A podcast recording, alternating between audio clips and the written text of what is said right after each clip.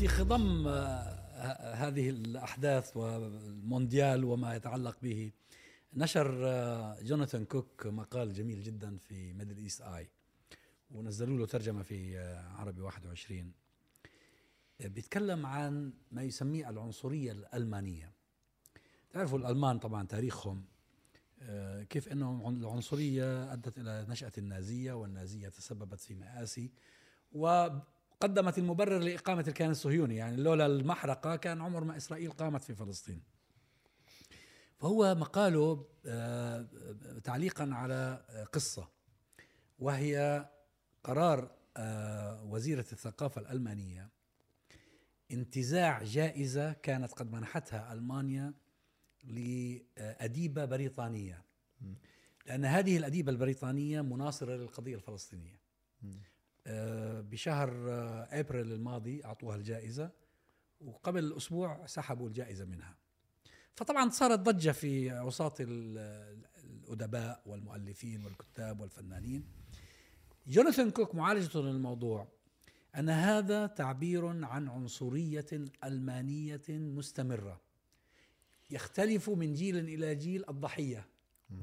يعني في يوم من الأيام كانت عنصرية موجهة لليهود. الآن هي عنصرية موجهة للفلسطينيين وللعرب وللمسلمين مؤازرة للصهيونية. شوف شوف المفارقة العجيبة. وطبعا هو بيناقش المواقف الألمانية المختلفة وليستنتج بأنه في نهاية المطاف آه هذه العنصرية هي التي آه تمكن الكيان الصهيوني من الاستمرار في ارتكاب الجرائم التي يرتكبها ضد الفلسطينيين وتمده بحبل سري من آه، من كل احتياجاته حتى يظل آه، قائما على قيد الحياة. يعني الحقيقة هي مسألة الآن أنا باعتقادي تناقش بشكل واسع. كأس العالم أبرز هذه الحكايات وأظهرها على السطح. كانت تدور في بعض الأروقة مثل ما تفضلت يعني كانت مثلا بين طبقة معينة من الأدباء والكتاب آه، كانت بين بعض المفكرين وبعض الفلاسفة وبعض المتدينين من هذا الدين أو ذاك ولكن آه، الذي حصل آه، في في الأسابيع الماضية أنه كثير من هذه الجدليات كما يقال برزت على السطح وأصبح الجميع شركاء فيها.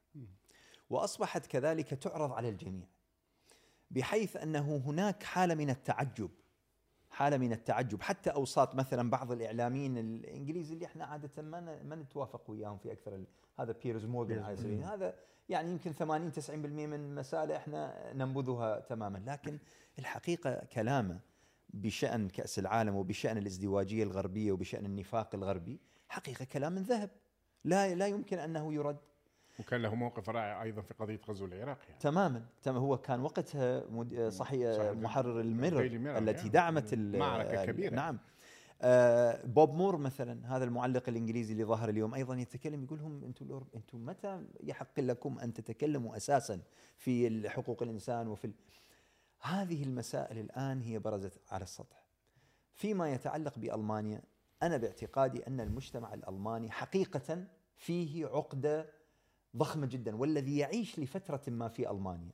وعلى المسائل الكثيرة الإيجابية التي في في ألمانيا إلا أنه يشعر حينما يأتي المساس المساس مس أو الاقتراب من آه، خطوط تعتبر حمراء بكل المقاييس فيما يتعلق بتاريخ ألمانيا وفيما يتعلق بالصهيونية وفيما يتعلق بإسرائيل وفيما تجد حالة من التنمر وحالة من التوحش على كل شيء. ومنا حرية الرأي ومنا حرية التعبير ومنا حرية الاعتقاد. كل المسائل هذه تنتهي عند هذه. تشعر حقيقة بأن هناك عقدة تتملك المجتمع الألماني المثقف الألماني السياسي الألماني بحيث أنه يعني مدى يعرف وين يودي نفسه. إحنا نقول بالعراقي مدى يعرف شو يسوي بروحه.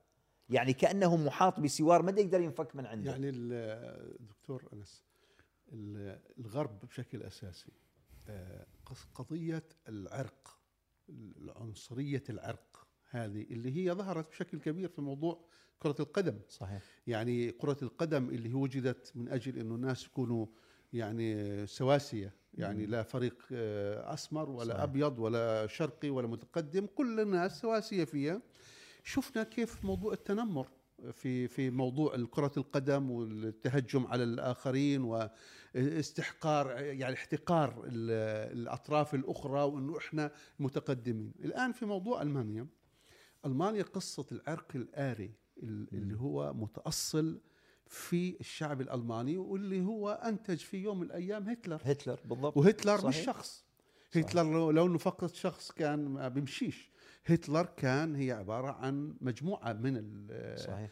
من الاشخاص مجموعة من ال- القيم اللي كان يمثلها هذا الرجل وكان المجتمع يت- يتوافق معه ويسير نعم. معه صدر كتاب بالمناسبة في هذا الموضوع منذ حوالي 20 سنة وأحدث ضجة كبيرة جدا هو أن أغلبية الألمان كانوا. مع هتلر. نعم. وليس والآن- كما والآن يردد هذا موضوع العرق. طيب آه الآن لما نيجي نرجع للمحرقة اللي قتل هو أنتم الألمان. آه حكومتكم.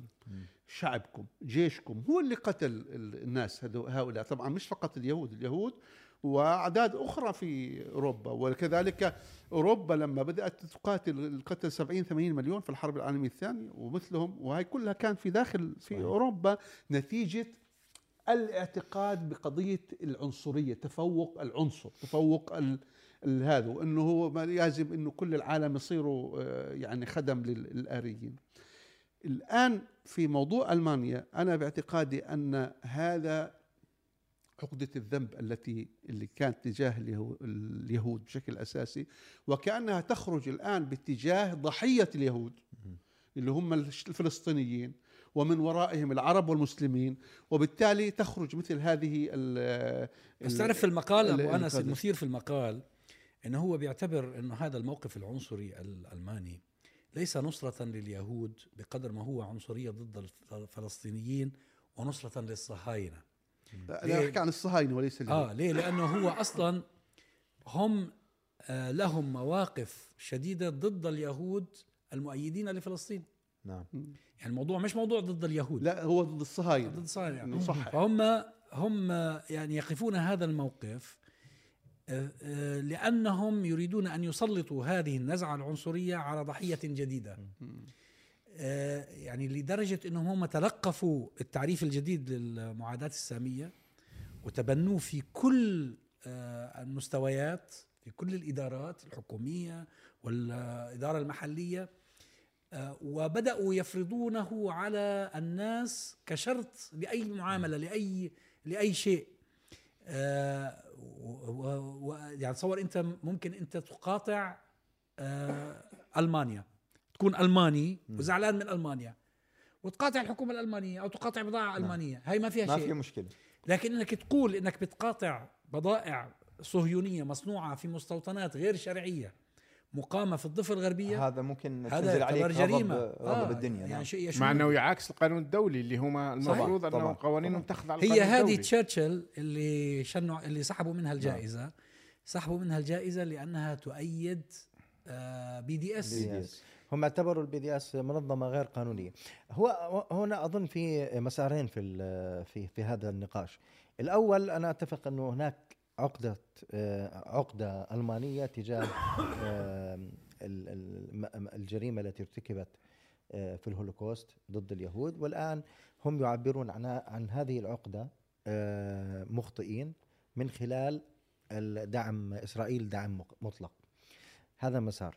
هذا بدون شك أظن بأنه متحقق في في في ألمانيا.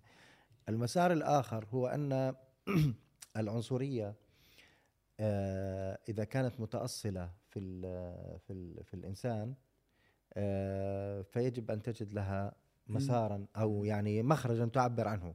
هناك عنصرية موجودة مثل ما تفضلت مثلا عنصرية ال- ال- العرق الآري في هناك برضو في عنصريين اللي هم آه، يسمون ال- ال- التفوق الأبيض تفوق العرق الأبيض أو ما شابه. آه، هذه العنصرية ما دامت موجودة في الإنسان هو يريد أن يعبر عنها. عبر مخرج معين. بما أنه ال- الآن غير غير مسموح وغير ممكن أن يتم التعبير عن عن هذه الع- العنصرية تجاه أطراف دينية أخرى فهم يتجهون للطرف الاضعف الضعيف آه. يعني هو في زي اللي عنده مشاعر مكبوتة بده يعبر عنها فيجد الطريقة المناسبة. وأنا أعتقد خطورة هذا الأمر أين؟ إنه إذا فعلا هذه العنصرية متأصلة فهذا يعني بأنها قد تنفجر في أي يوم وفي آه اتجاهات غير معروفة. يعني هي اليوم ضد المسلمين آه غدا الله أعلم ضد مين؟ وهذا ما الدليل على. ذلك الدليل على ذلك عفوا آخر نقطة الدليل على ذلك أن هناك حركات نازية جديدة في في ليس فقط في ألمانيا موجودة في أوروبا وموجوده حتى في, أمريكا في أمريكا. طبعا. هذه الحركات النازية الجديدة آه، ما يسمونها النازيين الجدد هذه حركات يمكن أن تنفجر في أي لحظة وترتكب جرائم الله أعلم بأي اتجاه. وعلى فكرة كلها بدون استثناء حيثما وجدت لها علاقة بالصهيونية. متحالفة مع الصهاينة. صحيح، وتد... تمام. وتدعم الكيان الصهيوني. وما في مظاهرة لهم إلا وفي علم إسرائيل مرفوع. صحيح. ال- الإشكال الآخر أم، هو أنه ما يحدث الآن في أوكرانيا طبعا يقولب الساحه العالمية كلها وفي أوروبا أساسا. ونحن نعرف أن أوروبا ستخرج أكبر خاسر من هذه الحرب كيف ما كانت نهايتها يعني؟ والاعتقاد انه الأكبر رابح هو طبعا الصين والأمريكان وإلى حد ما ربما تركيا خاصة إذا ما كانت ال- الهزيمة الروسية هزيمة منكرة. لكن دخول الألمان على الخط في البداية كما تعرفون كانوا مترددين جدا كانوا منزعجين جدا صحيح. من قضية الحرب خاصة أنهم 55% من الغاز يأتي من روسيا 40% من البترول يأتي من روسيا. غاز وبترول رخيص جدا. آه، ألمانيا بالنسبة إليها هي الآلة الصناعية هي لا تريد هذا ال... لكن مع الأيام ومع تطورات الحرب بدأوا يستسيغون الأمر فأخرجوا قضية ال 200 ملي- مليار يورو للدفاع.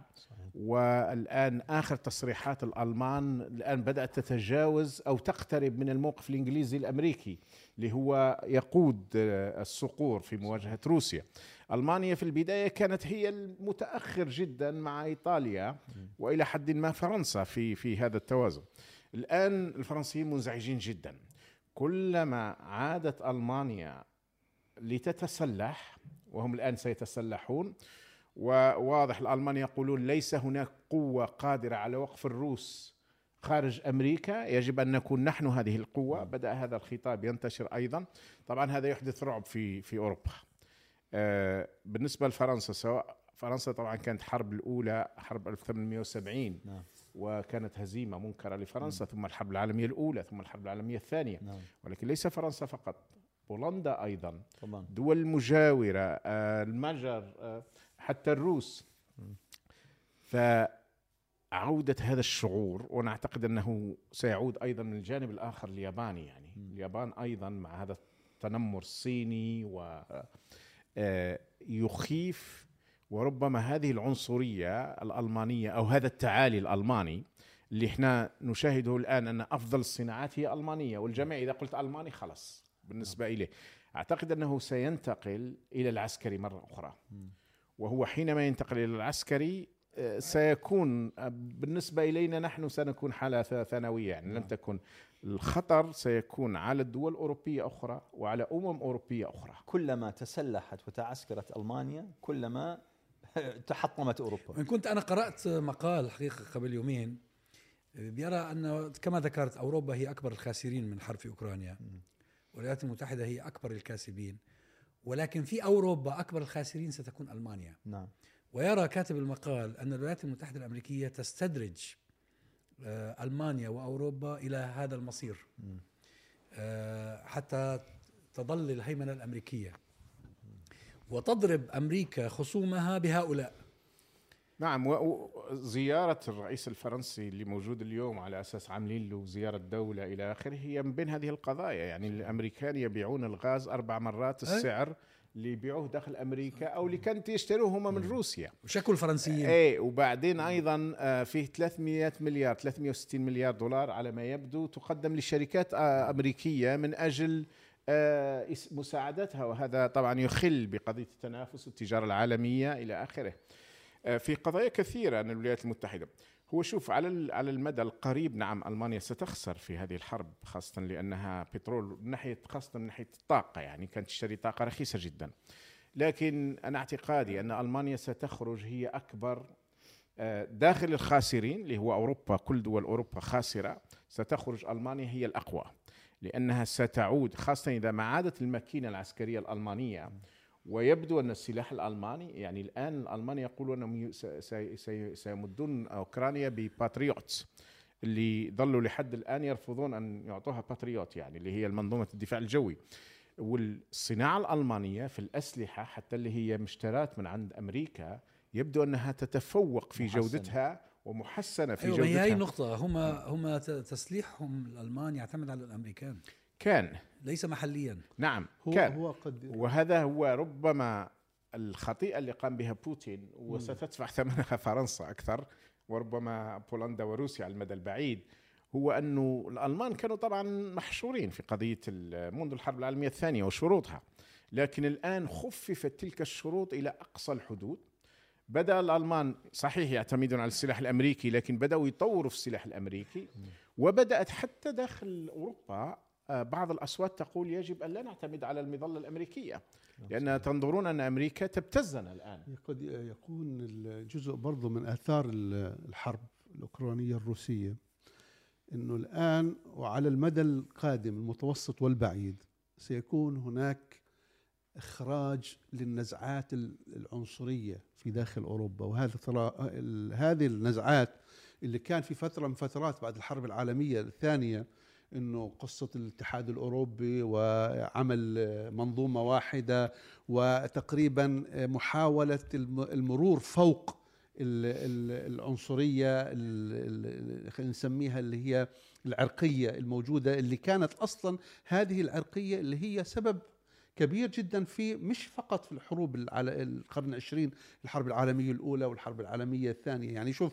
مثلا إذا درسنا التاريخ الفرنسي البريطاني كم من الحروب آه، تم خوضها في بين فرنسا وبريطانيا وقصة بين بين ال Anglo-Saxon وبين ال- الجرمان. آه، هو وكذا. تاريخهم كله هيك. كل هذا التاريخ أنا باعتقادي جزء من التداعيات الحرب الآن الموجودة هي إبراز كل واحد يريد أن يبرز ال- العرق تاعه العنصريه من أجل أن يدافع عنه ويكون واحتمال. يكون هذا صار في تنامي بعد انهيار الاتحاد السوفيتي. لأنه لما انهار الاتحاد السوفيتي وولد كل هذه الدول اللي كانت جزء من المعسكر الشرقي كانت كل دولة منهم تحتاج آه، إلى ما يوحدها على شيء. يعني تحتاج أن ترفع شعارا. فالتيارات القومية وجدت آه، متنفسا. آه، ذلك مثلا بولندا تيار يميني قومي متطرف فيها. آه، المجر. هنغاريا المجر. يعني وهكذا. والآن أوكرانيا نفسها طبعا وأنا لا أدري مدى صحة ما يقوله الروس لكن الروس يدعون بانه في تيار نيوناتسي في طبعاً. آه، أوكرانيا. وقوي ومسلح. وبالمناسبة زيلينسكي كان. كان آه، ضدهم يعني هو فاز على هذه التيارات ال- آه. ال- المتطرفة. لكن تعالف معها فيما بعد حتى آه، إيطاليا يصير- لما الان يصير فوز حرب اليمين. طبعاً. إيطاليا وهذه أيضاً. بالمناسبة إذا صار العفو بس نقطة. أنه في حال انتصار أوكرانيا بشكل من الأشكال لا أدري كيف بحال انتصر أوكرانيا أوكرانيا ستكون آه، منظومة يمينية متطرفة لأمد من الزمن. كردة- كردة فعل. هؤلاء لا هؤلاء هم الذين أنقذوا أوكرانيا. فلذلك الشعب كله يدين لهم. بل العالم كله يدين مع ان مع أن اليمين الأوروبي آه، مت- متعاطف أو متخاذل في اتجاه بوتين. يعني اليمين الأوروبي سواء في فرنسا صحيح. وانه هو الأقوى صحيح. ومجموعة من الأحزاب اليمينية المتطرفة هي أميل إلى بوتين. إلى بوتين طبعا. وعلى أساس أن هذه هيمنة أوروبية أمريكية إلى آخره. لكن من الغرائب أن آه، بوتين وروسيا هم يقولون أنهم يحاربون النيو ناتسي في أوكرانيا أنه أقوى كتيبة الآن تقاتل أقوى جيش يقاتل داخل الروس هو فاغنر. نعم. وهؤلاء هم الذين حققوا هذه الانتصارات الأخيرة في الأسبوع هذا في باخموت وما جاورها. اسم فاغنر ما هو فاغنر؟ هذا السؤال من هو فاغنر؟ ولذا لماذا سميت عليه؟ فاغنر هذا هو موسيقي الموسيقار الأشهر في ألمانيا في القرن التاسع عشر اللي تبناه هتلر بالضبط. وتبنته النازية. باعتبارها أنه يعبر عن الجنس الجرماني والآري. نعم. فطباخ بوتين اللي يقولون أنه الع- هذا العقيد أو الجنرال اللي يقود هذا فاغنر في الحقيقة مش من عنده يعني هي من عند بوتين. لأن في العمق هناك يمين روسي نازي. صحيح. وإن هي- كان ما زال يدعي أنه وريث للسوفيات ووريث لليسار طبعا كبيع اوهام يعني. في في موضوع العنصرية أيضا آه، الحرب الع... بعد نهاية الحرب العالمية الثانية نجحت أوروبا بأنه آه، يعني تنحي هذه الأفكار العنصرية أو المظاهر لأنه كان في آه، وحدة اولا الاتحاد الأوروبي من جهة وأيضا كان في رفاه. يعني أوروبا الغربية كانت تعيش في حالة رفاه، أوروبا الشرقية تابعه للاتحاد السوفيتي وبالتالي أصلا لا يوجد آه، إمكانية للتعبير عن أي نزعة فكرية بسبب القمع اللي كان موجود آه، بالاتحاد السوفيتي.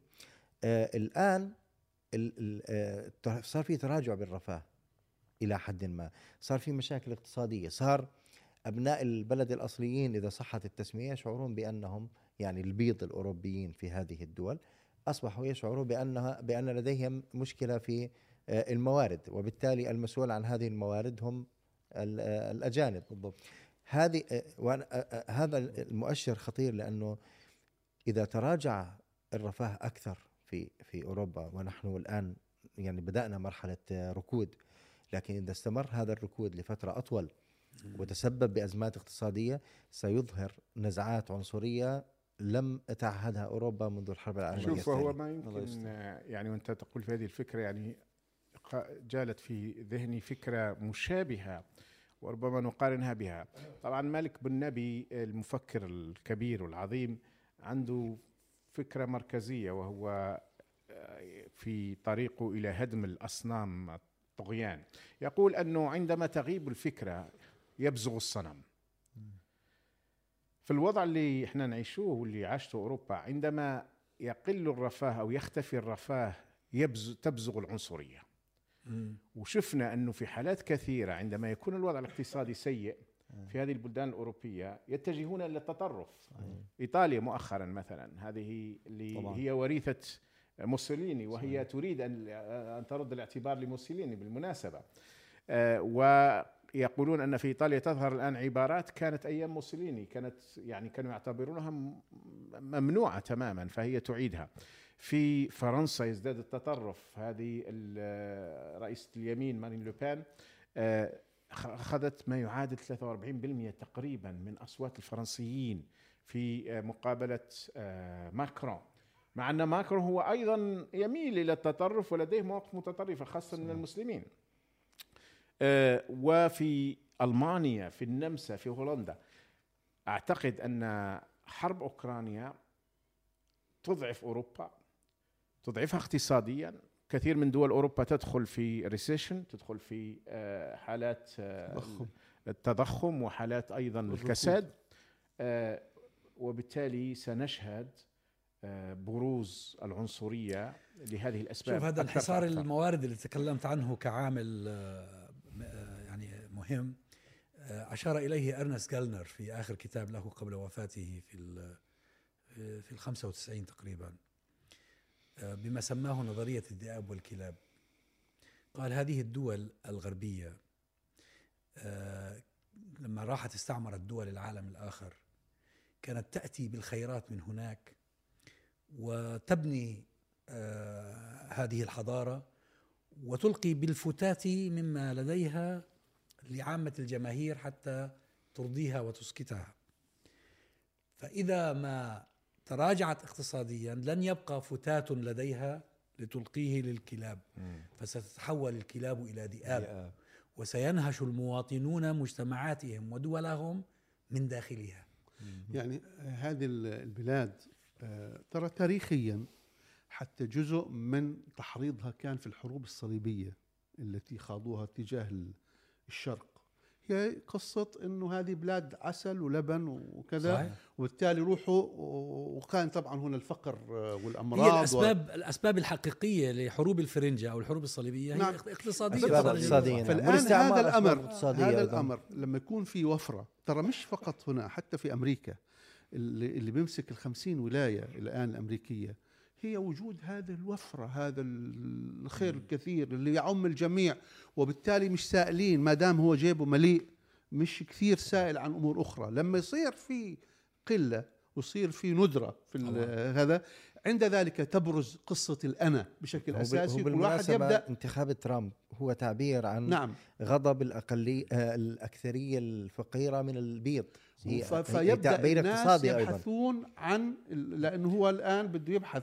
وبالتالي ترى حتى في الغرب هذا اللي هو ببين حاله إنه متسامح وإنه في عنده ثقافات وعنده جاليات وعنده حريات. سيكون أول ضحايا هذا طبعا ال- ال- ال- الأقليات الأخرى لأن هم سيعتبرون إنه هم جايين وسيأخذون نصيب أهل البلد. وبالتالي وبالتالي للأسف الشديد إنه المجتمعات البشرية التي تفتقد للقيم والأخلاق والدين. دائما إذا آه، لم يكن هناك آه، هذه الضوابط تحكمها يكون للأسف تحكمها الغريزة وغريزية الإنسان إنه هو بده يحافظ على نفسه حتى لو دهس الآخرين أو قضى عليهم. وهذا اللي بصير توحش. أيوه بصير التوحش المجتمع وهذا- البشري يتوحش مم. وهذا اللي ربما سيقلب الأوضاع من أن قضية أن لن تكون هنا حديقة يعني. أيوه. يعني عودة إلى صاحبهم في الاتحاد الأوروبي. يعني صحيح. لن تكون هناك حديقة وإنما يكون هناك توحش وغابة. ولا يعني ما فيش أفضل من أن أن تكون هناك قيم ثابتة تنظر للإنسان كإنسان وفي ثبات كامل. آه، وإلا فهو الانهيار.